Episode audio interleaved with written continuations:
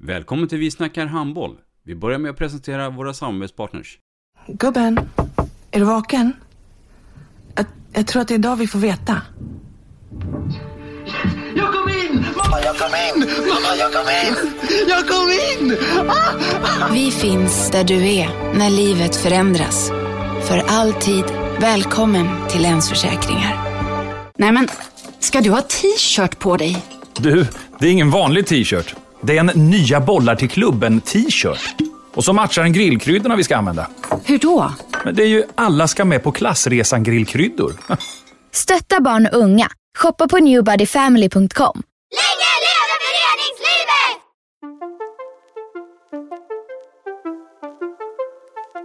Välkommen säger vi till dig som lyssnar till den bästa handbollspodden. Vi snackar handboll med Robban Z och gäster. Vi snackar handboll, där du får veta alla sanningar som du inte visste att du missat. Vi snackar handboll. Idag i programmet Vi snackar handboll så har vi fått en eh, riktigt härlig gäst och en eh, gammal profil. En handbollsprofessor om ni frågar mig. Mycket, mycket varmt välkommen Lars Eriksell. Tack så du ha. Lars Eriksell, född den 29 november 1943. Vem är det? Ta oss nu från början. Och då menar jag från början. Ja, från allra första början. Jag är ju tyvärr stockholmare, måste jag säga. Men eh, det blev ju några år i den vackra staden Stockholm, ska jag väl säga.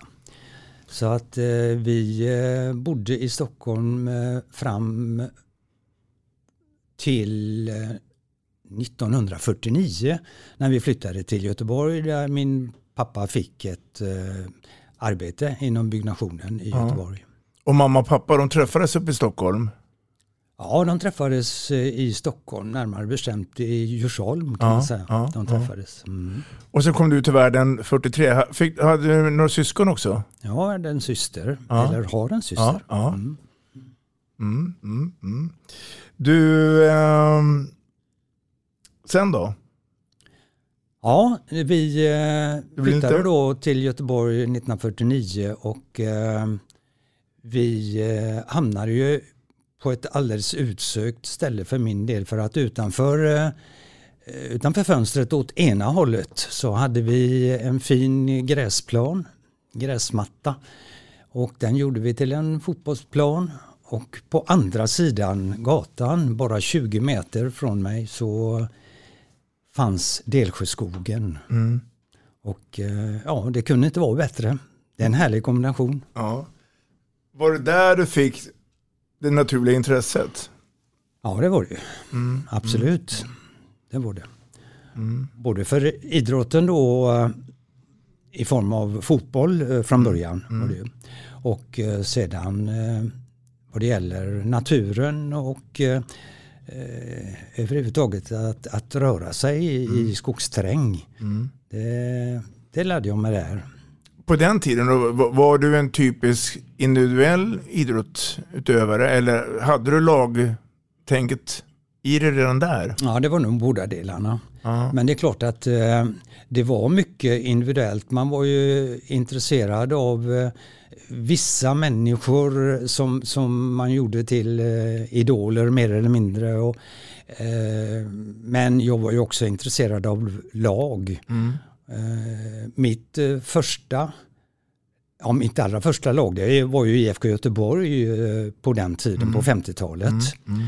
Eh, Med framförallt jag hade en idol i målvakten Henry Andersson. Mm. Och eh, försökte ju då efterlikna honom. Så Kopiera honom? På. Ja, Ja, ja, ja. Ja. så var det väl. Ja.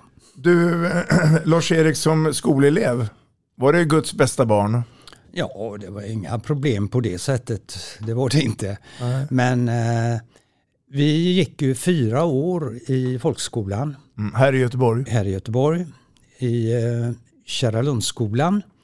Och eh, sedan flyttade jag till eh, Majornas högre allmänna läroverk som det hette på den tiden. Mm. Och gick fem år där innan jag tog eh, realexamen. Mm. Mm. Men sen tyckte jag nog att det var tillräckligt med skolning. Mm. att, Men i slutet på den perioden då, kände du det här att jag skulle nog vilja hitta på någonting inom yrkeslivet? Och vad blev det Ja, efter då? yrkeslivet var ju så att eh, min far var chef för ett byggnadsföretag som hette Byggoleba här i Göteborg. Mm. Och det var ganska naturligt att jag skulle falla in där. Så att, eh, jag eh, fick börja som eh, lärling ute på arbetsplatserna. Och, eh, Som snickare? Nej, eh, Nej. som, som, eh, som måttsättare kan man säga, måttsättarlärling. Ah. Mm, man börjar så om man då vill avancera upp till Ja. Arbetsledare. Så att eh, det gjorde jag och eh, det var jag väldigt intresserad av. Mm. Ångrar aldrig det och, och, istället vilja fortsätta plugga? Nej, Nej. det, det, jag eh, kunde ju plugga senare Mm. och det gjorde jag ju också. Så att, eh, nej, jag ångrar absolut ingenting utan det var, det var väldigt, eh, väldigt klara papper vad jag ville och Mm. vad jag satsade på framtiden. Karriären fortsatte då? Vad, Mm. vad, vad hände sen? Eh, för jag misstänker att parallellt med det jobbet så fick Mm. du lite andra intressen också. Ja, eh, jo då, jag har många andra intressen men eh, det var framförallt eh, på Majorna eh, som jag fick eh, kontakt med eh, Arnold Zachariasson. För övrigt senare tränare i Frölunda också. Eh, och vi var med, både Arnold och jag, i ett eh, litet lag i Kungsladugård. Mm. Och eh, det, det var ju genom att jag gick på Majorna. Men sen eh, så fortsatte, fortsatte jag ju att studera lite grann så jag gick på eh, en han- handelsskola, eh, Filip Holmqvist handelsinstitut i Göteborg. Och, eh, men den var ettårig, gymnasiallinje kallas det för. Och så. Så, men sen så eh, dröjde det åtskilliga år innan jag började fundera på att eh, ha någon slags reservutgång ifall inte byggnadsarbetet skulle ja, löna sig i framtiden ordentligt. Så jag eh, gick på vuxengymnasium här i Göteborg Mm. och eh, på humanistisk, humanistisk linje. Och eh, med målsättning att faktiskt komma in på GH. Mm. Och sen så stämde det väldigt bra. Eh, för efter när jag var klar där så eh, skulle GH ha en handbollslinje 1975 Mm. till 77. Och, och då pratade vi upp i Stockholm. Då var det Stockholm. Ja. Ja. Var, var, det, var det svårt att komma in på GH? Alltså jag tänker på poäng och det Jag eller? har ingen aning. Nej, eh, inte, inte när det gällde de här eh, idrottslärarlinjerna. Nej. Alltså där handboll var en del av det. Mm, Så där, där, där var det ju bara det att man skulle ja, ha gjort någonting vettigt inom handbollen. Mm, Och, och, och både som spelare och som eh, ledare. Ledare, Ja. ja. Så det var ju det jag kom in på. Ja. D- d- Dina föräldrar då Lars-Erik, sa de någonting då hur, hur du skulle göra? Eller Nej. hade du hela tiden egna Ja, befogenheter? Ja, nej, de har aldrig Ja. sagt hur jag ska göra. Utan Nej, nej. Det, det har flutit på. Av Var de idrottsnördar? Nej, inte idrottsnördar, men min pappa var väldigt intresserad eh, i sin ungdom av idrott. Han utövade en hel del eh, sporter inom friidrotten. Så att, eh, och sen var han alltid eh, intresserad av att eh, följa olika idrotter, fotboll inte minst. Men eh, han var väldigt intresserad. Min mamma eh, i väldigt unga år eh, spelade lite handboll uppe i Djursholm. Det var mest utehandboll då på den tiden. Men du fick, du fick eh, ta hand om det mycket själv, alltså Mm. till träning och från träning. Ja. Ja. Ja, ja. Det är inte lite grann som idag, man är curlad och Nej, får nej, nej. transport. nej, nej. Jag åkte, åkte genom hela stan ut till Majorna där vi Ja. tränade.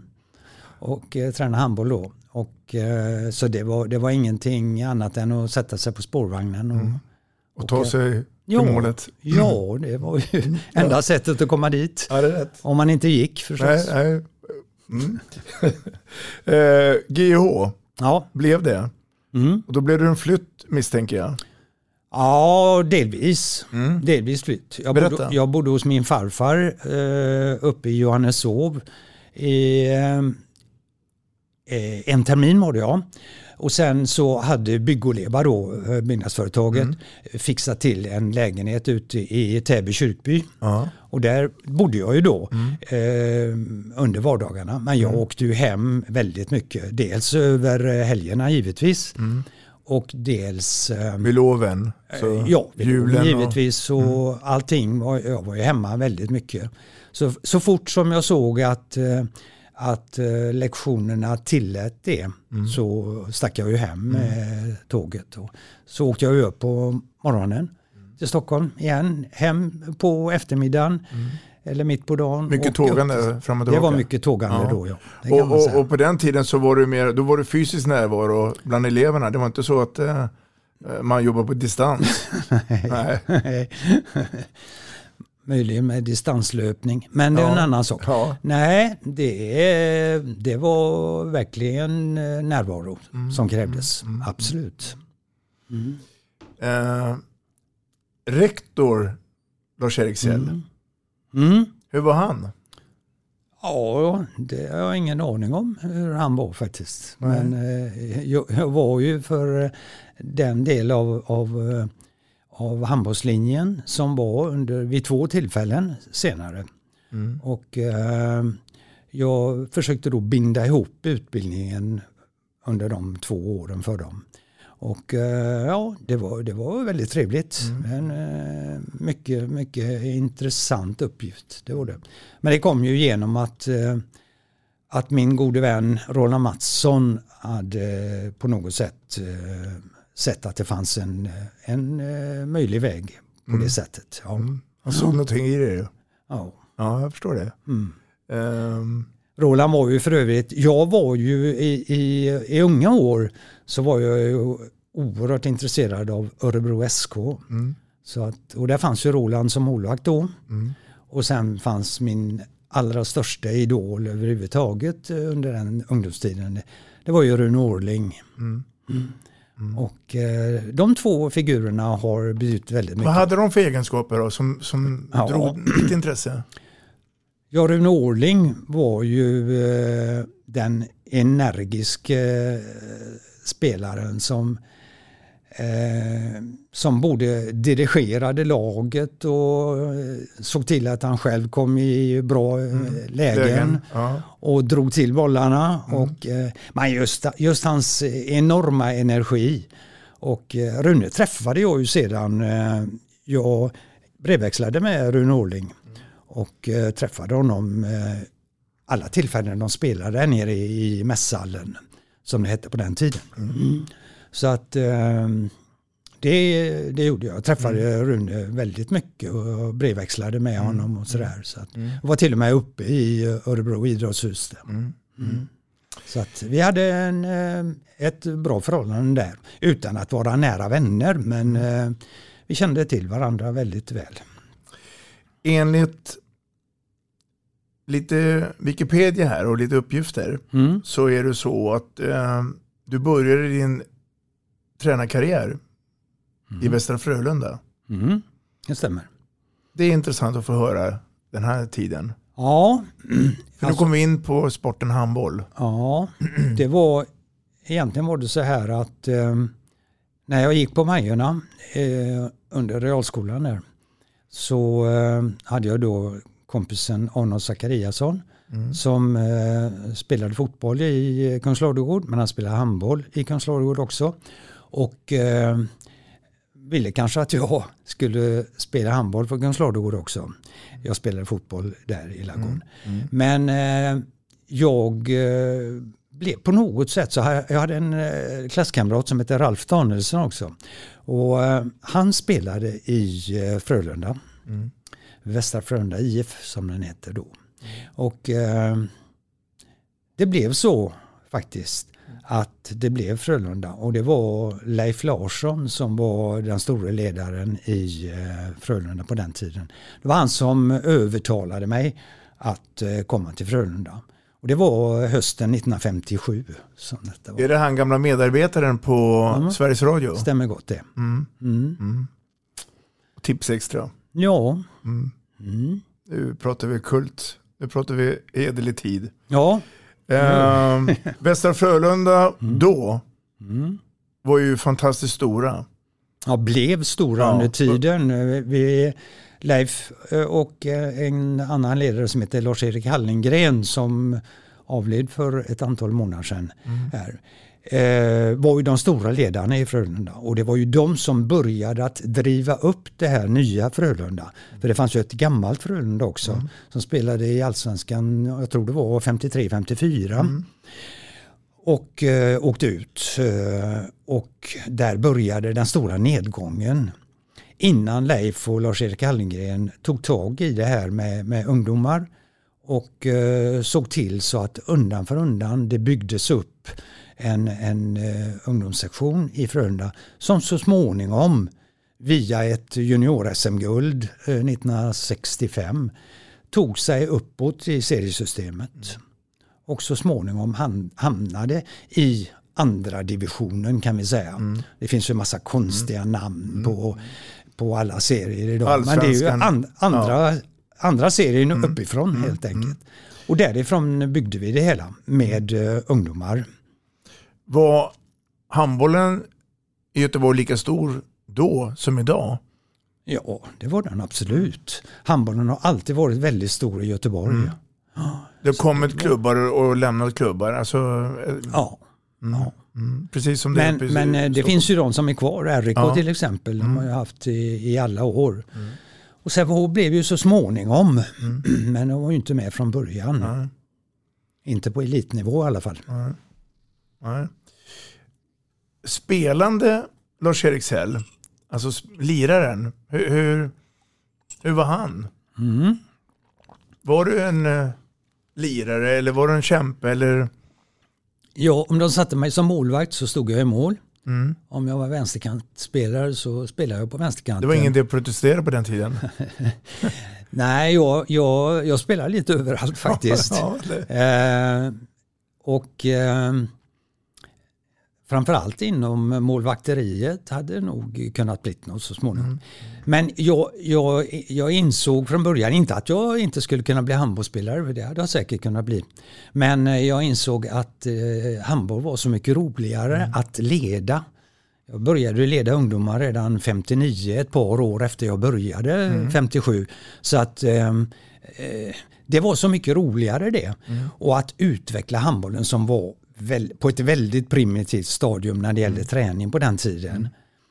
Och eh, där har jag ju då olika, har haft olika idoler som jag har sett, eh, Berätta. sett eh, väldigt, eh, ja jag har följt dem ganska mycket och en av de idolerna är ju lite underligt för att det var ju eh, Vålådalens eh, chef Gösta Olander, en av de stora idrottsledarna i Sverige på den tiden, under 50-talet, som inspirerade mig. Jag följde i tidningarna allt vad som skrevs om Vålådalen, om Gösta Olander och han var ju med runt på alla mästerskapstävlingar och så, följde idrotten väldigt noggrant. Och hade ju vissa tankar om idrott som inte många hade.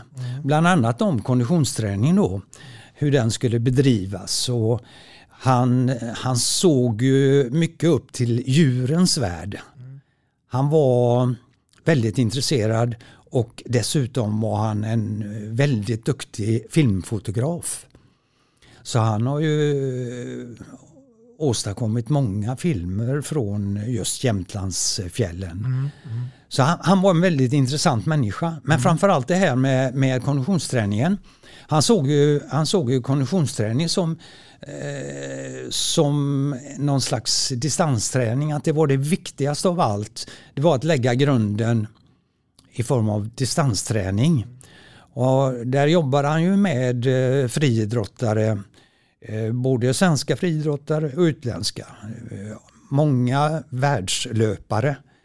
Eh, försökte han ju att hjälpa uppe i Vålådalen och, och, eh, Och lyckades med det också. lyckades verkligen med det. Så jag, jag såg mycket upp till honom från början och inte minst eh, min egen träning för jag började ju springa själv och försökte efterlikna honom. Och redan 1958 så var jag uppe i Vålådalen med min familj, mamma, pappa och syster första gången 58 och sen är, har det blivit mitt andra hem. Så att eh, jag har varit uppe i Vålådalen, jag räknade ut det för ett, eh, några år sedan. Jag har varit där över 80 gånger. Och eh, det är... Fantastiskt. Ja, det är, det är ett, ett ställe som, eh, som jag ständigt längtar till. Ja, Precis innan jag kom in här så eh, pratade jag med Vålådalen. Jag har en del vänner där uppe och bokade in en, eh, en vecka här i augusti. Så att jag brukar vara där två gånger om året. En vinter och en sommar. Jag, jag håller med dig till 100 procent. Det är fantastiskt eh, vackert då. Ja. Eh, om vi går tillbaka till ledarskapet. Mm. Eh, för att vi var inne på det här med distans och kondition och Mm. uthållighet. Och vi, Ja. vi kommer komma in i det. Mm. Om vi nu börjar prata samarbetsformer i, i andra ledare som du jobbar med, mycket med. Mm. Nämn några där. Ja, eh, när, det, när det gällde Frölunda så Mm. var det ju Håkan Drat. För Håkan och jag har väl varit ett eh, par som har eh, fortsatt utvecklingen av Frölunda. Efter Leif Larsson och Lars-Erik Hallengren så blev det mycket Håkan och jag som, som eh, eh, skapade lite grann av det nya Frölunda. Som, som eh, också blev, eh, där det blev eh, riktigt eh, stora framgångar under, man kan säga, under 70-talet och en bit in på 80-talet innan det sakta eh, glöden började falna. Mm. Mm. Ehm, mm. Vad tänker vi då efter Västra Frölunda-tiden då? Mm. Under eh, Frölunda-tiden så blev jag så småningom anställd eh, 82 till 90. Eh, men eh, det var, ju, det var ju mest administration det handlade om där. Under något eller några år så var jag ju tränare dessutom. Och det är ju inte riktigt att eh, rekommendera egentligen för det blev ju handboll eh, allt för många timmar. Mm, om- 7-24. om det- Ja, det blev.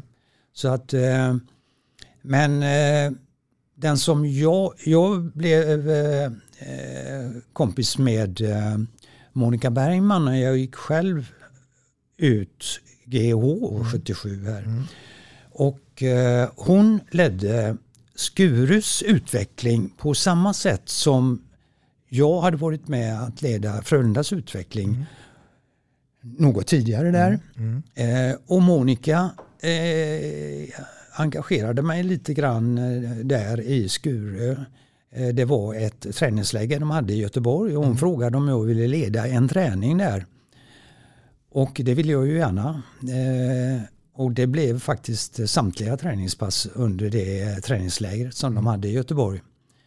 Så jag eh, blev väldigt intresserad av Skuru och eh, har hållit, eh, ja inte de senaste åren kontakt med Skuru men jag har eh, under den, Skurus stora ledare John Jansson har haft kontakt med Skuru under många år. Att det är en väldigt, väldigt fin förening som jag, ja, jag känner nästan lika mycket för eh, Skuru som eh, för Frölunda.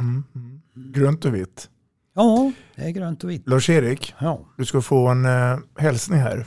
Jaha, oj. Eh, du kommer nog eh, bli glad.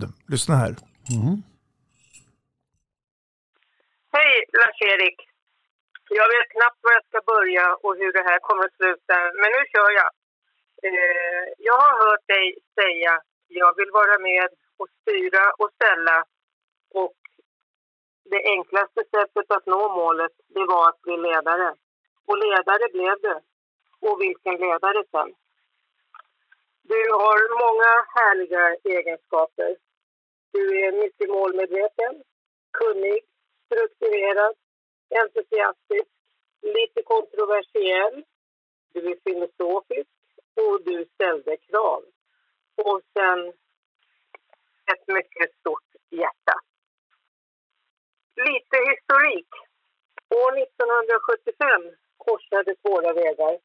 Vi började på GH på handbollslinjen. Det var mycket spännande och inspirerande att få bli kursare med Mr Frölunda. Det jag visste det var att Frölunda förknippades med Lars-Erik och Håkan Drak. och lite senare så blev också Skatås ett känt begrepp. Ditt hjärta klappade stort för ungdomssektionen. Kanske därför grönvita hjärta klappade även för Skuru som satsade mycket på sin ungdomsverksamhet. 1986 så blev du tillfrågad att ta över landslaget och du ville ha mig med. Tack för det. Du hade krav på förbundet. Vi skulle spela CVM för att snabbt ta oss tillbaka till BVM. Det var en förutsättning för att du skulle ta jobbet. Du sa, ska det satsas på damhandbollen så kan man inte strunta i VM-tävlingar. Vi måste sikta framåt. Vi skulle upp i kolkällaren och renovera skutan direkt. Siktet var ju BVM 87. Vi fick också till att U-landslaget återstod efter att förbundet lagt ner verksamheten och där lyckades vi kvala in till VM i Danmark. Sen finns det många minnen, men jag har fastnat för några. Vålådalen där vi hade läger med A och U-landslag. Vem minns inte den lilla löprundan upp på Oxfjället? När vi kom upp sa du till spelarna, nu får ni ta er ner hur ni vill. Du och jag, vi tog en annan väg. Tyskland 87, det var en riktig kortsmäll och handbollshistoria. Vi spelade tre matcher mot Västtyskland. En seger, två oavgjorda. Det var första gången på tio år vi slog Västtyskland på bortaplan. Påskdagen spelade vi klockan 11. Klockan sju var det samling för alla, inklusive våra ledare Bosse Jensel och Janne Wigren. Vi skulle ta en liten morgonlunk för att kropparna skulle komma igång. Du hade hittat den jävligaste backen jag någonsin sprungit. Vi avslutar den här säsongen mycket bra efter en trög start på säsongen. Det lovade gott för framtiden. Det betraktades som en sensation att C-nationen Sverige klarade sig utan förlust, förlust på, mot Tyskland på bortaplan. Nu var vi på gång. Du blev också involverad i Skuru. Du ville ha mig med i landslaget och jag ville ha med dig i Skuru. Lars-Erik, du var ett stort stöd och ett bollplank för mig. Du var också en stor och viktig inspirationskälla för tjejerna när du gästspelade och höll i några träningar. Och våra träningsläger i Dubrovnik blev ju succé. Eh, jag vet att du älskar och älskade att lunka runt i Delsjöskogen och Skatås. Och det smittar av sig på spelarna. Kanske inte på alla, men vi sprang och vi sprang på träningarna. Och spelarna var lite irriterade på det, för du var alltid först uppe på kontringarna. Eh, vill nu avsluta med några typiska sådär, några cellhändelser och lite utlåtande.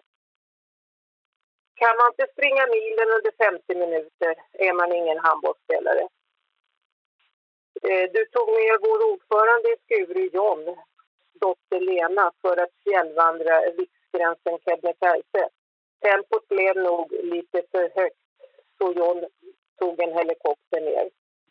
Du utmanade Lena att ni skulle avverka en maraton varje dag under en vecka. Upplägget var två mil förmiddag, sen lunch och två mil eftermiddag. Lite tokig, det var det nog Lars-Erik. Nu, Kottlasse, får du ta över den här tillställningen. Jag önskar dig allt gott. Hoppas vi syns snart i Götet och då tar vi en lunch i Delsjöskogen. Du med stavar och jag utan. Kramar från mig. Mm, Lars-Erik. Ja, det var ju vackra ord. jag, jag reagerar på några saker där Monica Bergman då Mm. eh, säger att ordet krav och löpning. Är det två kännetecken av Lars-Erik Säll tror du? När det gäller ditt ledarskap? Ja, eh, ja det är det. De, de, de, de finns där. Men eh, eh, man kan väl säga så här att det som, det som eh, är största kännetecknet det är det sättet att eh, försöka spela handboll som vi startade upp i Frölunda. Mm. Eh, det, alltså, det här med löpning och så vidare, det, det, var ju bara en sak. Från början så var det ju så här att de allra flesta handbollslag som ja, jag överhuvudtaget kände till tränar ju så erbarmligt dåligt. Mm. Så det, det alltså ham, träningskulturen inom handbollen den var låg. Den var, den var inte så låg som inom fotbollen. För den, där, där, eh, så långt ner i ledan sjönk vi aldrig. Men, eh, men nej, det var, det var för dåligt. Och det första man måste göra att bygga upp ett handbollslag det är att se till att spelarna orkar träna. Mm. Och då får man ju se till att de blir gott konditionstränade. Mm. Det är det första. Sen att styrketräning och andra saker måste till också, det är en självklarhet. Men framförallt under den tiden, eh, om vi säger 60-talet, om vi kan tala om 60-talet, ja det stämmer mm. nog det. Det, det, där, där var eh, de svenska lagen var väldigt, väldigt dåligt tränade. Och jag menar, vi hade ju inte några fantastiska handbollsspelare i Frölunda på den tiden. Men eh, de var vältränade. Mm. Och det kom vi väldigt långt med. Mm. Sen är det många av dem som utvecklades till riktigt bra spelare, landslagsspelare och, och allt. Men, men eh, jag tror att det handlar väldigt mycket om det sätt att spela som vi gjorde i Frölunda. Där vi försökte införa ett mer systematiskt spel Tidigare så var det väldigt mycket individualism inom handbollen. Mm. Man, man hystade bollen till nästa spelare som fick göra lite eh, vad som han tyckte ja. den eftermiddagen. Mm. Eh, men, men däremot så försökte vi att skapa ett mer systematiskt spel. Och eh, det, det, det, jag såg ju till med glädje så småningom här när, när Benga-Johan kom in i, i landslaget så, så var det ju mycket av, av tankar om systematik i spelet tillsammans givetvis med individuell skicklighet mm. som avgjorde eh, att, att vi eh, började närma oss världstoppen. Mm. Mm. Vi hade ju legat ganska djupt nere i leran tidigare. Mm. Så, så just den här systematiska delen i handbollen, den tycker jag är lika viktig som, som konditionsdelen. Att om, om, om man börjar prata om min filosofi i handbollen så är det väldigt viktigt att komma ihåg just eh, systematiken i, i spelet. Och det gäller både försvarsspel men framförallt anfallsspel. Mm. Och både när det gäller herr och damhandboll? Ja absolut, mm. det är ju ingen skillnad på något sätt där. Och, och det är det jag tror många kommer att förknippa mm. Lars-Erik Sell med. Min fråga då till dig, när, när du drog i de här trådarna och, och gick ut och sa då att uh, vi måste träna mera och mm. hela den här biten. Mm. Fick du höra från tränarkollegor, nej men Lars-Erik du, du, du tänker fel? Nej. Eller? Nej, jag fick faktiskt inte det. Nej. Men det var säkert många som eh, utanför eh, idrottshallen ja. eh, hade de synpunkterna. Mm. Men jag, jag fick aldrig, jag fick tvärtom uppskattning från väldigt många. Mm. Men det var säkert många som hade udda synpunkter utanför hallen. Tillbaka till Monica Bergman. Mm. Fin människa. Ja, verkligen. Varm människa. Ja. Mm. Verkligen. Och, och brytt sig mycket för sporten. Absolut, det har hon gjort. Och hon har betytt oerhört mycket för, för Skuru och hela den utveckling som, eh, som eh, fanns där. Mm. Och finns där idag. Mm. Det finns många som gillar dig. Här kommer en till hälsning från eh, en spelare som uppskattar det du har gjort. Lyssna här.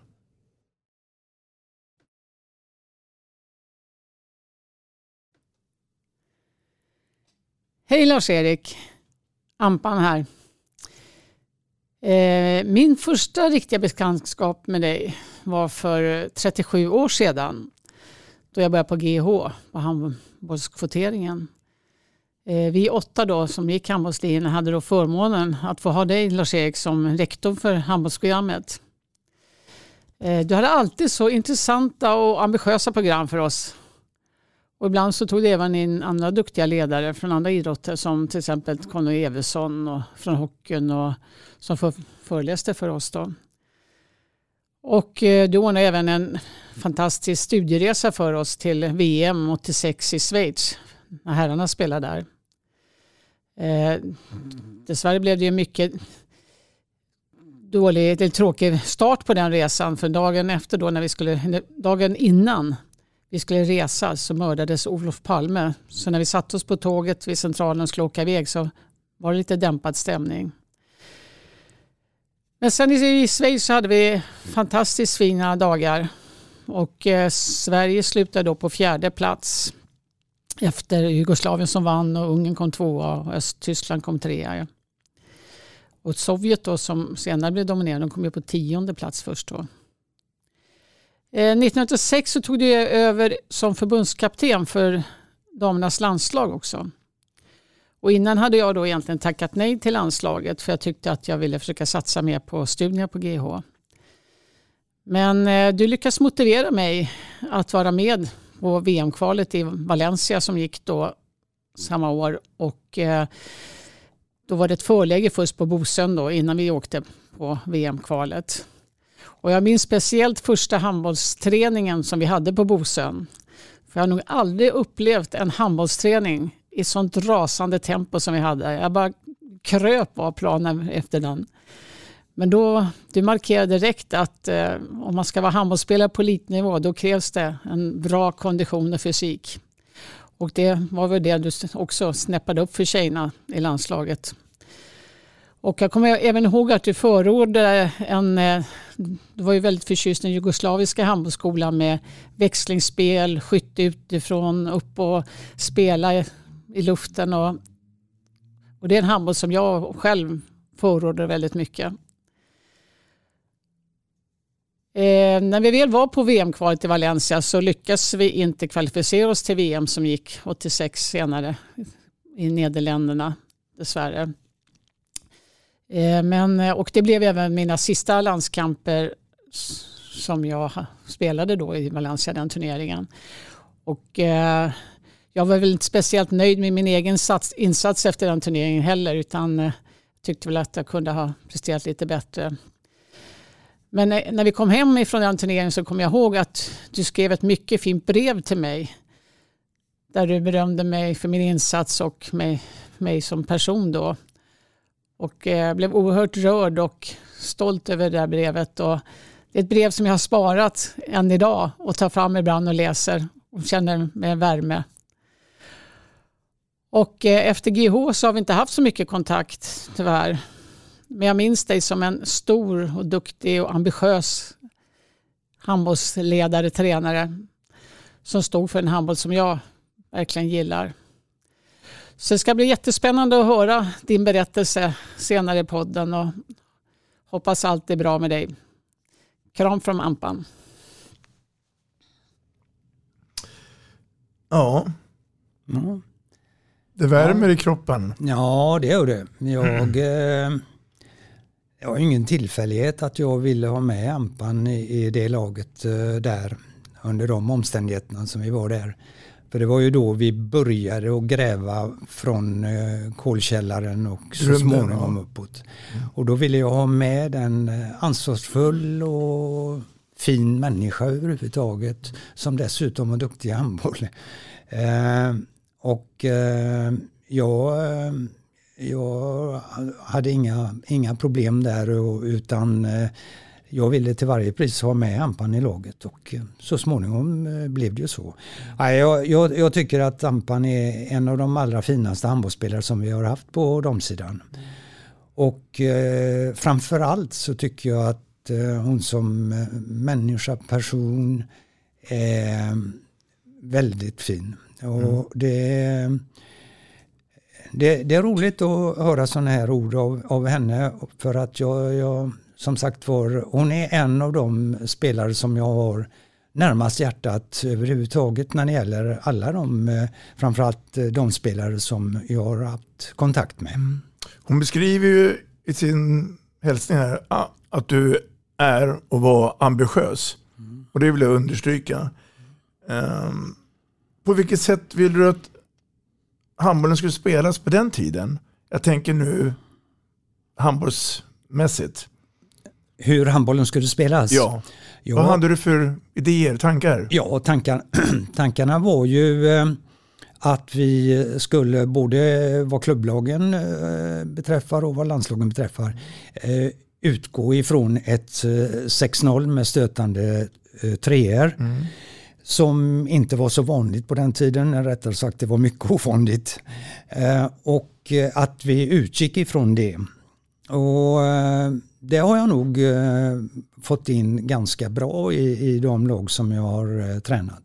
Sen att ifrån detta försvarsspel att vi skulle satsa väldigt mycket på kontringsspelet. Och eh, kanske inte så utvecklat som kontringsspelet är idag, men det beror ju på regelförändringar och så vidare. Men eh, vi var, vi, vi, jag satsade mycket på kontringsspelet och att försöka att avgöra redan där. Sen anfallsspelet som jag pratade om tidigare så var det Eh, både systematik och individuell skicklighet som, som måste kombineras på något sätt. Mm. Man, man, kommer inte tillräckligt långt med bara individuell skicklighet utan man måste även ha just det här kollektiva tänkandet, mm. den systematiska tanken klar för sig. Och, och det, det är väl de, de sakerna i handbollsspelet som, som jag har tryckt på. Mm. mm. Jag har förstått och jag har läst att du, du har gjort lite um, skrifter också om handboll. En mm. grej är metodisk inlärning av grundspel i handboll. Mm. Berätta lite om den. Ja, det, det, handlar precis om det som jag har pratat om nu. Mm. Att, att eh, man börjar redan från början i, i yngre år och trappar upp detta undan för undan och tränar med, med tanke på ett spel, ett totalt spel som man vill se till och få fram. Eh, och man, man, man startar det redan på ungdomsnivå så att säga för att följa upp det. Kanske på någonstans på A-nivå, A-pojk och A-flicknivå och sedan utveckla detta under juniornivå för att eh, så småningom på seniornivå ha en bra grund att mm. stå och sedan utveckla detta ytterligare. Mm. Så det, det, är, det är lite grann av, av de tankarna som mm. hela tiden har... Kom, kom de idéerna från dig eller var de från, från förbundet? Så? Lars-Erik, skulle du kunna sammanfatta här och göra litteratur ja, nej, hela? Nej, nej, nej, jag har inte... Jag har, jag har inte fått så mycket från uh, förbundet, men jag kan säga en sak. Mm. Och det är redan 1959 så träffade jag Sigo Bjärs mm. för första gången. Han betydde väldigt mycket för mig och inte minst för det systematiska tänkandet. För han var väldigt insatt i den tjeckoslovakiska handbollen på den tiden. Mm. Och de jobbade mycket då med just systematik i anfallsspelet. Och de var eh, de första som jag såg eh, spelade lite grann 6-0 med stötande tre, eh, treor mm. i försvarsspelet. Och jag såg bland annat en landskamp här i Mässhallen i Göteborg eh, mellan eh, Sverige och Tjeckoslovakien mm. där tjeckerna spelade en väldigt fin handboll. Mm. Och jag blev eh, väldigt förtjust i hela deras sätt och, och vara eh, i matcherna. Mm. Eh, och, och, även, även kontringsspelet. De hade ju en fantastiskt snabb spelare som heter Mares. Och eh, han for fram på vänsterkanten som en oljad blixt. Och eh, mycket av det här tänkandet det här öststatstänkandet ja. har jag ju från början tagit till mig. Mm. Sen måste man ha andra saker också. Mm. Eh, öststatstänkandet kan bli lite stereotypt ibland. Men det finns mycket att hämta, eller det fanns i alla mm. fall mycket mm. att hämta. Idag är det vi som är ledande och de andra tittar på oss. Mm. Men då var det mycket öststatshandboll som, som fascinerade mig. Mm. När oavsett om det var landslaget eller klubbverksamheten och, och matchen kommer igång och Lars-Erik står där eller sitter. Hur, hur var Lars-Erik som matchcoach? Var du aktiv eller var det så att du sitter som ett uh, spelande mm. piano, mm. lugn och ro, spelarna sköter det där? Nej, jag var, jag var väl som, som tränare. Eh, eh, ungefär eh, att jag hade synpunkter på var och varannan sak, tyvärr. Mm. Mm. Även mot, mot domarna? Nej, aldrig mot domarna. Jag har alltid varit eh, tyst mot domarna. Eh, jag har aldrig, aldrig opponerat mig. Eh, eller hur Christer Broman? Eh, och eh, jag har försökt få mina spelare att eh, uppträda på banan på samma sätt. Mm. Mm. En person som jag tror har stått dig väldigt nära och eh, du eh, eh, har säkert gett en och annan ledtråd till kommer här. Det är dags för en hälsning till till dig Lars-Erik. Lyssna här. Hej Lars-Erik, det här är din gamla handbollselev Jan Lindén. Vad roligt att du är med i Vi snackar handboll. Det ska bli väldigt spännande att lyssna på tycker jag. Du är ju en legend inom vår idrott som har betytt mycket för handbollen i Sverige historiskt sett. Vi lärde känna varandra på GH när jag gick handbolllinjen där 1985 till 87 och där du höll i handbollundervisningen för oss som gick på handbolllinjen. Bland annat åkte vi på ett oförglömligt studiebesök till handbolls-VM för herrar som spelades i Schweiz 1986. En turnering vi inom ramen för studierna analyserade väldigt noga och där ditt favoritlag Jugoslavien tog ett guld till slut, minns jag. Men det var ju under den här perioden du tog över damlandslaget och tog laget, kan man säga, ett första steg mot världstoppen. Du ökade träningsdosen rejält och jag minns att du på Svenska Hammarförbundets årsmöte nästan kuppartat drev igenom ett helt nytt seriesystem för damhandbollen som markant ökade antalet matcher för tjejerna. Du tyckte att vi spelade alldeles för få matcher och du ville förbereda oss bättre för mästerskapen med ett mycket intensivare, intensivare matchande. Och du rörde om rejält i grytan för att få fart på damhandbollen. Vilket kanske inte gick hem i alla led. Men du fick med dig ett stort gäng handbollstjejer som gjorde en riktigt seriös satsning på landslaget. På den tiden hade vi ju knappt inga utlandsproffs utan vi fick ju förbereda oss så gott det gick inför mästerskapet med de förutsättningarna som fanns på hemmaplan. Och det gjorde du ju väldigt bra fram tills den dagen du ganska abrupt valde att hoppa av landslaget, vilket vi tyckte var väldigt synd på den tiden. Jag själv tränade ju junior och ungdomslandslaget under den här perioden och i egenskap av det hängde jag ju med på de flesta turneringarna som A-landslaget spelade. Och du och jag vi delar ofta rum på turneringarna och delade mycket erfarenhet med varandra. Eller det var kanske mest du som bjöd mig på din kunskap och ditt stora engagemang för handbollen. Även om jag inte i alla lägen delade din syn på träning och ledarskap så inspirerade du mig väldigt mycket under min egen tränarkarriär. Minns du förresten när vi efter våra landslagskarriärer åkte och tittade på BVM i Litauen 1992 och bodde på spelhotellet som inte bjöd på någon vidare frukost. Istället gjorde du gröt på hotellrummet med ditt stormkök som du lite förutseende hade tagit med dig. Att någon eldat mitt stormkök på ett hotellrum har nog inte hänt sådär jättemånga gånger. Lars-Erik, jag hoppas att du mår bra och att du har en riktigt fin sommar och att du fortfarande springer på de, som du själv uttryckte det, sviktande skogsstigarna. Hoppas också att vi ses under handbolls-VM i Göteborg i början av 2023. Ja du, man, man ryser. Jenny Lindén det är roliga minnen han berättar. Det här minnet just i Litauen 92. Ja. Det kan jag bekräfta för jag var också med där ja. i den eh, vevan. Där. Eh, när du tänker och hör Janne Lindén, vad, vad, vad, vad, får du för tankar där då? Ja, jag, jag, får eh, tankar om en eh, ung handbollstränare som var väldigt ambitiös, som var noggrann, eh, systematisk i sitt sätt att, eh, att vara ledare. Och eh, han eh, har betytt mycket, inte minst för Skurus fortsatta utveckling där. Så att Ja, det var en ung ledare under, under upplärning under min tid där. Mm. Inte så att det var jag som lärde upp eh, honom, eh, men jag bidrog kanske. Och Janne har, har gjort en, en väldigt fin insats för svensk handboll. Mm.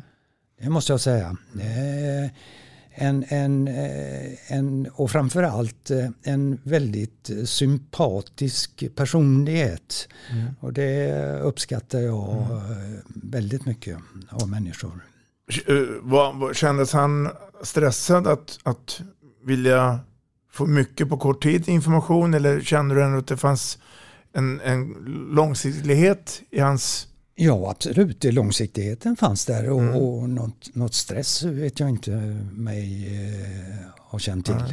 Utan mm. Nej, nej Janne, Janne var, var systematisk i det han gjorde och eh, han har verkligen tjänat handbollen på, på ett mycket hedervärt sätt. Mm. mm. Han nämner ju också då att du, du väljer att lämna landslaget här. Är, är det någonting du vill kommentera varför du gjorde det? Uh, nej, jag vill inte kommentera det utan det fanns orsaker till det. Mm. Och de, eh, den orsak, eller de orsakerna satt ju inte i spelarna på något sätt. Uh, utan uh, det satt mer i ledningen för svensk handboll. Mm. som som jag inte mer kommenterar. Nej. nej. Du, men det andra är intressant. När Janne berättade just om det här med idéer och serieförslag och mm. mera matcher. Ja. Här är jag nyfiken. Ja, nu har jag inte alla, alla siffror i, i huvudet och sådär. Men, men hur tänkte du då? Ja, jag, vi tänkte så här att vi spelade väldigt få matcher i mm. handbollen. Mm. Det är nästan skrattretande mm. om man eh, tänker efter och tittar hur det såg ut innan jag började med landslaget då, mm. 85. Eh, det, det, var alldeles för få matcher. Sen kan man väl säga så här att när vi byggde upp ett nytt serieförslag mm. så kanske man tog i lite för mycket. Och, och, men det var bra på den tiden. Det, för det gjorde att, att spelarna därmed insåg att det där som den där eh, knasige coachen pratar om mm. i träning och så vidare. Det kanske eh, finns fog för det. Och, och just det här att, att eh, spelarna eh, spelarna var tvungna så att säga att, att träna riktigt bra mm, mm. för att orka med det här. För det var, det var ganska tufft spelschema mm. som presenterades framförallt i jämförelse med det som hade varit. Mm. Och, och, idag har vi väl hamnat på kanske någonstans, eh, om inte mitt emellan så, eh, så i alla fall eh, inte fullt så, så aktivt vad gäller seriespelandet. Mm, mm.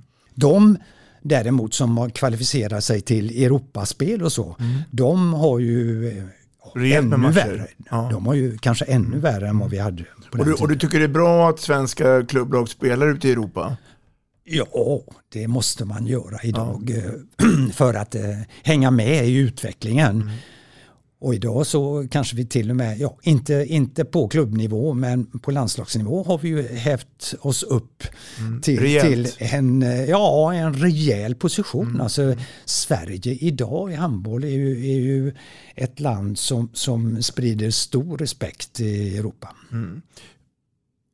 Det, det, finns ju de här som tycker att, att ibland kanske är synd att, eller när, när förbundskaptenen, i det här fallet Thomas Axnér, presenterar landslagstruppen så kanske man bara sitter, ja det är två, tre spelare från SHE, alltså mm. handbollsligan, resten är proffs. Vad, vad tråkigt.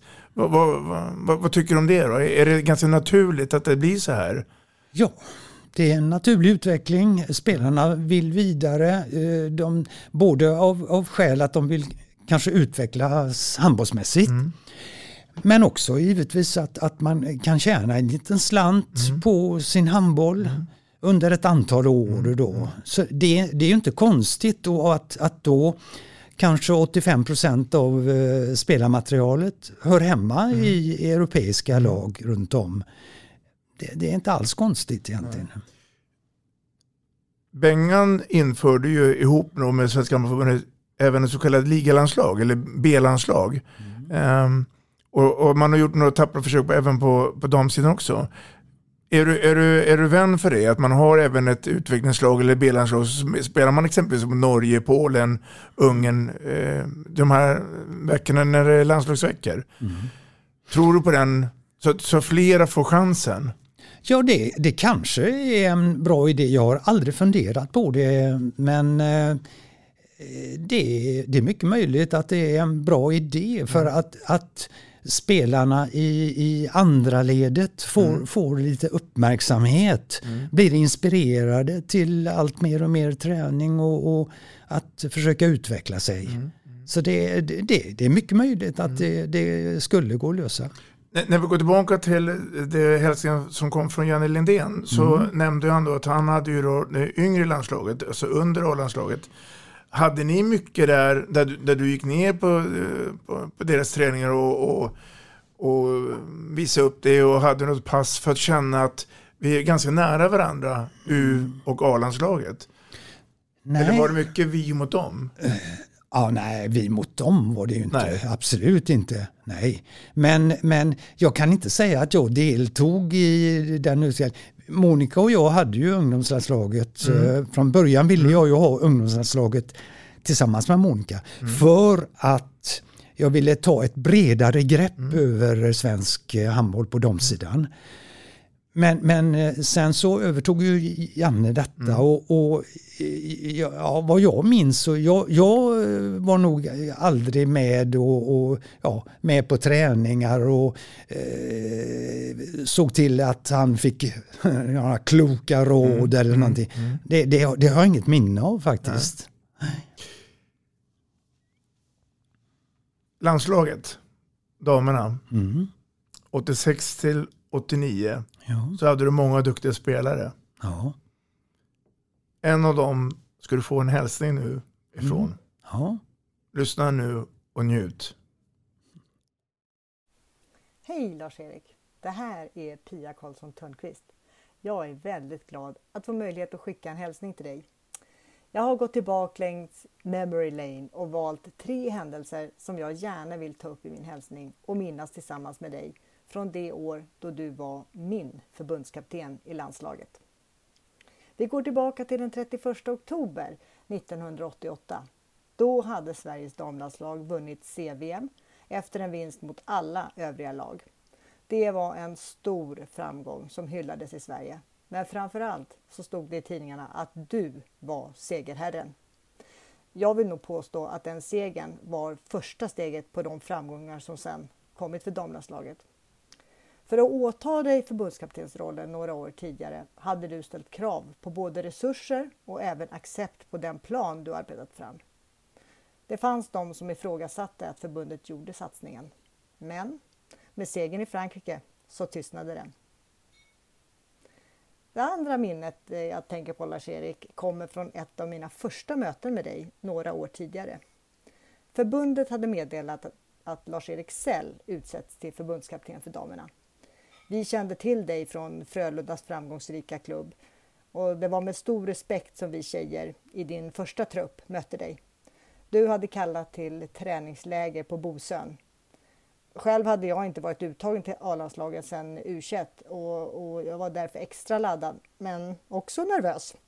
Jag minns så väl att du efter det första passet i Bosöns stora hall kallade mig till ett samtal. Jag var helt oförberedd på att du ville utse mig till lagkapten. Jag blev väldigt glad och oerhört stolt. Det tredje minnet Lars-Erik är något som jag inte tror att så många kände till. Eh, mitt klubblag Tyresö var framgångsrika under åren i slutet av 80-talet. Och säsongen 86-87 så spelade vi cupvinnarcupen i Europa. Och vi tog oss ända till semifinal.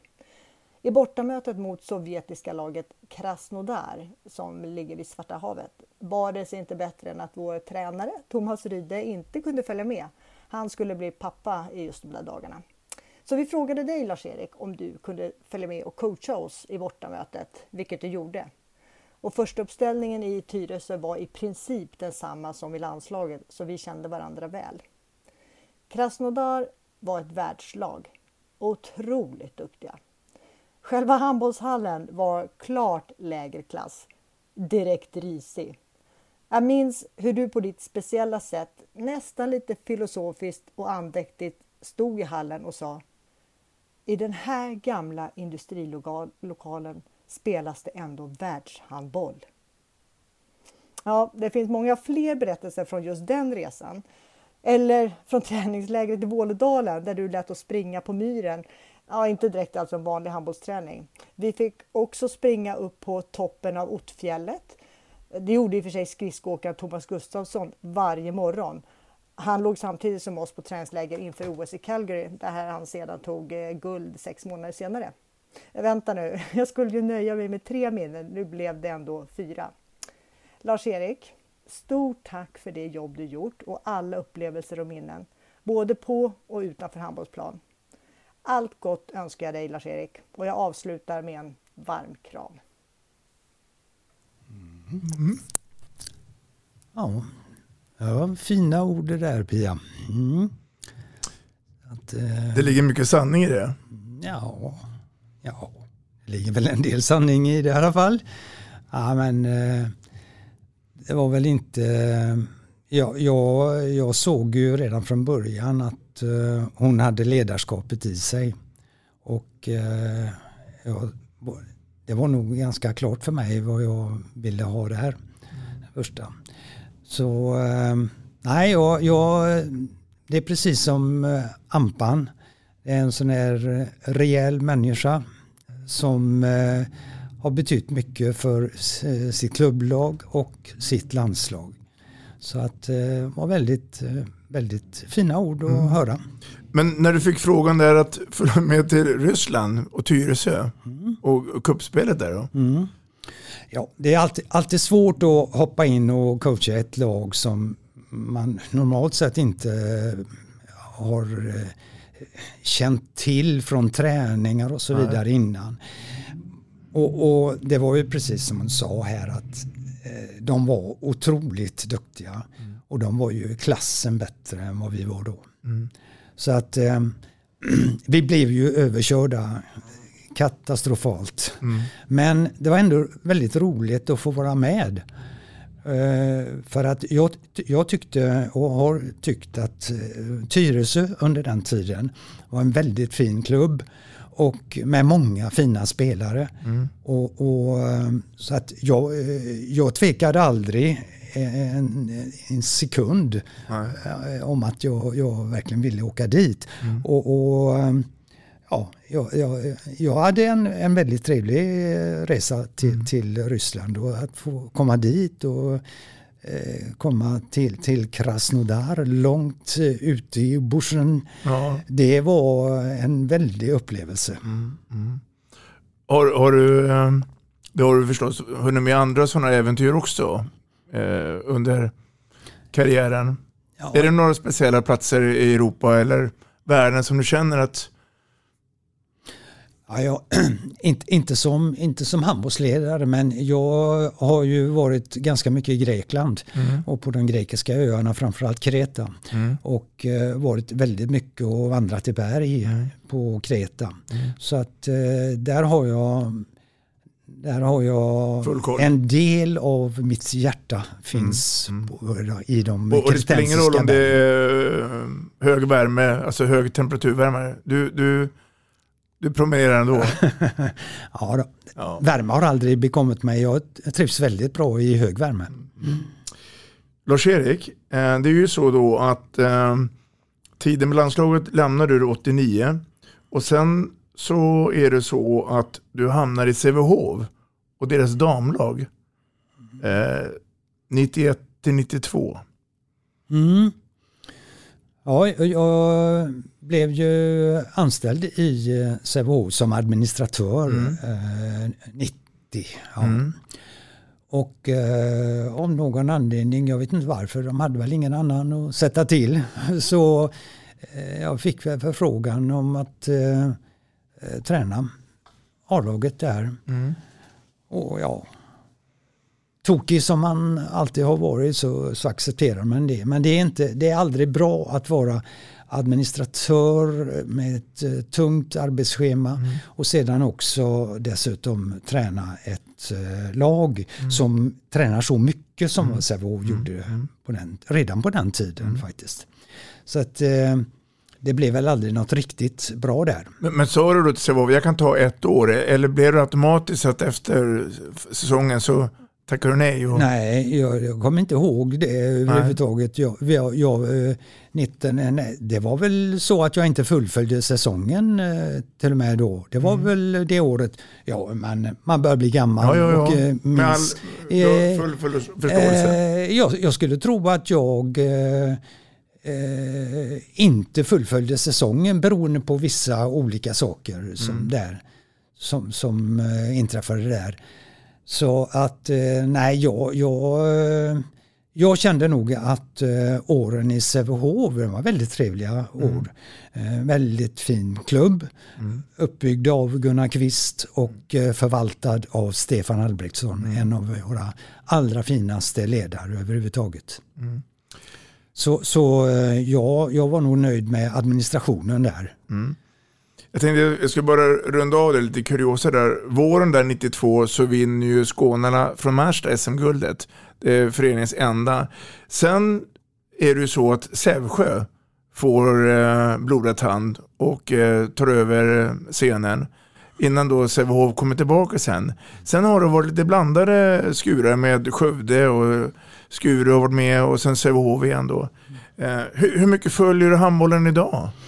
Ja, jag hoppar ju inte omkring i olika handbollshallar längre och, och, och, besöker allt för mycket. Men jag ser på tv allt mm. som jag kan se där mm. och jag följer handbollen på det sättet. Så jag är väldigt intresserad. Det gläder mig framför allt att eh, damlandslaget går så bra som det gör. Mm. Det, det, är väldigt roligt och, och herrarna är ju inte mycket sämre de. Mm. Så att nej, det är, det, det är väldigt, väldigt roligt att handbollen har utvecklats på ett så positivt sätt. Mm. Nu är inte Thomas Axner här, men jag är rätt säker på att om han skulle suttit här eh, så skulle han säga att svensk handboll och svenska, framförallt på, på damsidan, är för dåligt, för dåligt tränare när det gäller uthållighet och kondition. Och det var precis lite grann de orden du nämnde i början på det här inslaget. Och Det är ganska fascinerande. Då. Däremot så är man mer kanske då in i gymmet som man var på, på dina goda dagar. Ja. och det återspeglas ju i hela spelet idag. Idag måste man vara eh, väldigt stark överhuvudtaget för att, till exempel som anfallsspelare, för att överhuvudtaget någon gång kunna komma igenom ett försvar. Mm. Ett försvar som idag får arbeta på ett eh, ganska brutalt sätt egentligen. Mm. Och eh, idag är eh, både försvarsmässigt och anfallsmässigt det är helt nödvändigt att vara mycket bra styrketränad. Mm. Och, och men det är möjligt att, eh, att eh, du som du antydde här att, att eh, kanske konditionsdelen har glömts bort lite grann. Mm. Men det är nog så att idag så för att lyckas i handboll så måste man vara stentufft tränad. Framförallt styrkemässigt. Mm. Och i, i och med styrkan också så, så blir det ju mycket av, av eh, snabbhetsträning och eh, vi ser ju idag kantspelare i handboll som gör fantastiska saker. Som vi aldrig har sett. Eh, där man flyger så att man mer eller mindre har skott rakt framifrån mm. fast man hoppar in från kanten. Ja, det är otroliga spänstfenomen som finns på, eh, hos eh, kantspelarna idag. Alltså. Och målvaktsspelet har också utvecklats? Målvaktsspelet har väl utvecklats på sätt och vis men idag så går det så snabbt i skyttet, mm. både från 6 och 9 meter, att eh, man måste chansa lite mer som målvakt idag än vad man kunde göra mm. för eh, 30-40 år sedan. Mm. mm. Du ska få en hälsning till. Och jag tror att det här sammanfattar väl det vi pratat om. Lyssna här nu och njut. Hej Lars-Erik, det här är Claes Hellgren. Så skulle vi skicka en hälsning till en av de stora förebilderna för mig själv och egentligen för svensk handboll överhuvudtaget. Den första som verkligen lyfte träningskulturen i sitt Västra Frölunda och fick folk att träna enormt hårt. Skrev böcker om metodisk inlärning och för allihopa oss som spelade med 6-0 med stötande treor var ju egentligen den grundaren utav hur man metodiskt inlär sig det här. Eh, när jag själv blev förbundskapten så, så fick jag förmånen att jobba med, med Lars-Erik Sell för det var en av de sakerna som vi gjorde. Vi jobbade tillsammans för att lyfta fysiska värdena på, på eh, eh våra spelare. Och det är tack vare dig som man till och med har skapat en slinga uppe i Idre som heter Fällslingan, vilket är mossen där man sprang, där man verkligen körde. Otaliga de minnen från hur du har tränat folk och lärt folk vad man kan, hur man kan hantera den svåra sporten handboll. För mig var det också viktigt att försöka, när jag var själv spelare, att försöka till och med komma till dina träningar och få träna och se Lasse Karlsson som lärde mig allting om målvaktsspelet. Så för mig är det här eh, en av de absolut största eh, när det gäller svensk handboll. Det finns egentligen inget motstycke. Eh, det är bara att tacka och fler borde tacka Lars-Erik Sell. Mm. Ja, det var oerhört vackra ord. ja, den tiden vi tillbringade bland annat i Idrefjäll var väldigt intressant. Mm.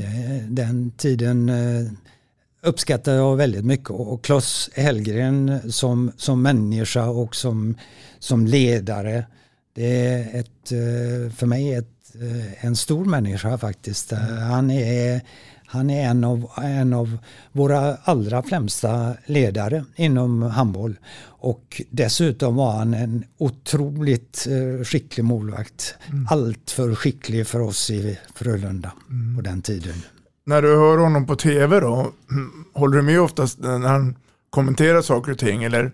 Ja, jag håller med. Men jag tycker han kommenterar lite för mycket bara.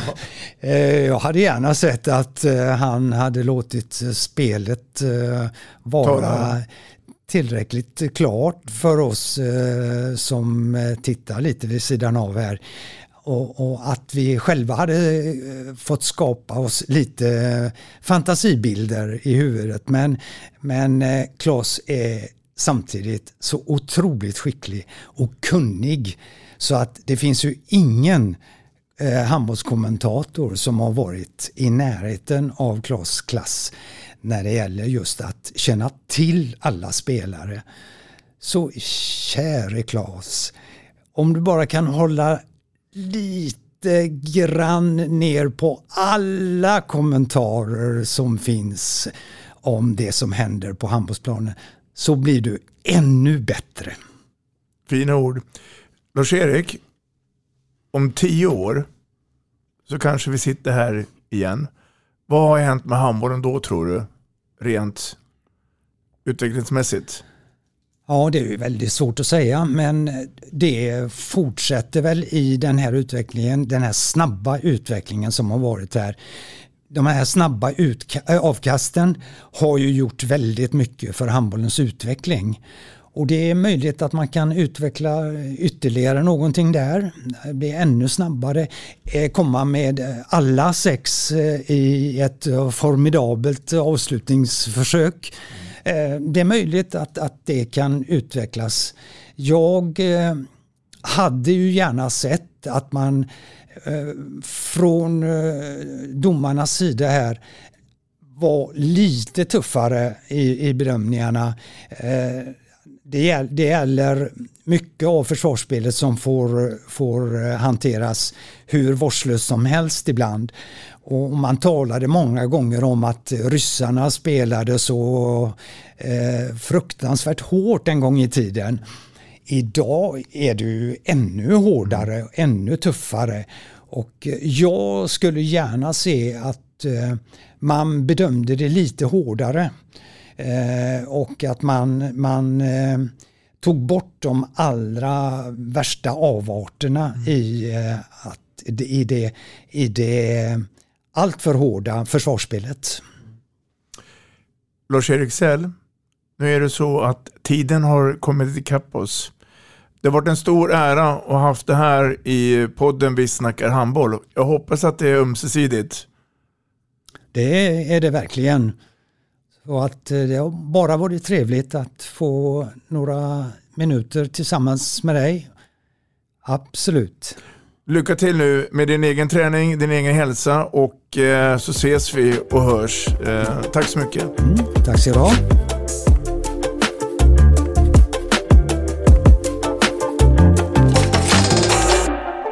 Vi snackar handboll, där du får veta alla sanningar som du inte visste att du missat. Vi snackar handboll. Vi snackar handboll produceras av produktionsbolaget High On Experience, från vision till passion. Ett avslutande tack till våra samarbetspartners. Hallå! Kommer ni eller? Ja, ja. Har du sett mina ankelsockar? De här? Nej, nej, jag menar skridskoslip till juniorlaget Ankelsockarna. Ja, men kolla bredvid träningsläger med handbollstjejerna-t-shirtarna. Stötta barn och unga. Shoppa på newbodyfamily.com. Länge leve föreningslivet! Gubben, är du vaken? Jag, jag tror att det är idag vi får veta.